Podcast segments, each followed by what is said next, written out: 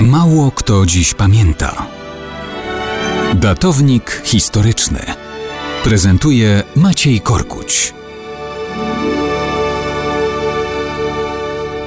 Mało kto dziś pamięta, że w grudniu 856 roku wikingowie złupili Paryż. No, nie po raz pierwszy i nie po raz ostatni. Jeszcze kilkadziesiąt lat wcześniej było to nie do pomyślenia. Wcześniej, czyli za czasów potęgi monarchii Karola Wielkiego, wtedy skandynawscy łupieżcy odbijali się od silnego i zorganizowanego oporu frankijskiego. Łatwiej było się kierować na Wyspy Brytyjskie, ale w 814 roku Karol Wielki umiera. Jego następcą zostaje Ludwik Pobożny. Ten jednak ma coraz więcej kłopotów z utrzymaniem spoistości rozległego państwa. Nie potrafi też utrzymać autorytetu silnego władcy. Konflikty dynastyczne między jego synami doprowadzają w końcu do podziału imperium na trzy części. Z tego zamieszania zaczynają korzystać wikingowie. W 842 roku zakładają u ujścia Loary na wyspie Noirmoutier swoją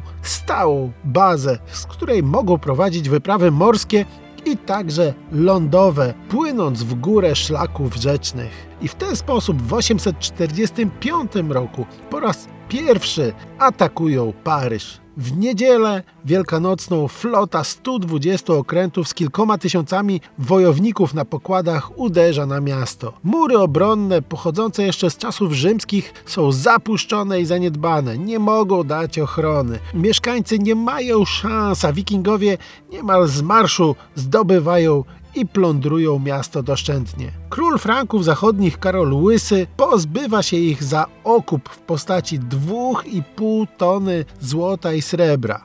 A więc łup jest obfity. Wikingowie więc dają czas na odbudowę, tak jak to w innych przypadkach robili. I dopiero po jakimś czasie atakują znowu. Tak jest w Paryżu. W 856 roku łupią go po raz drugi, w 861 po raz trzeci, w 865 znowu. W czasach Karola Wielkiego to wszystko było nie do pomyślenia.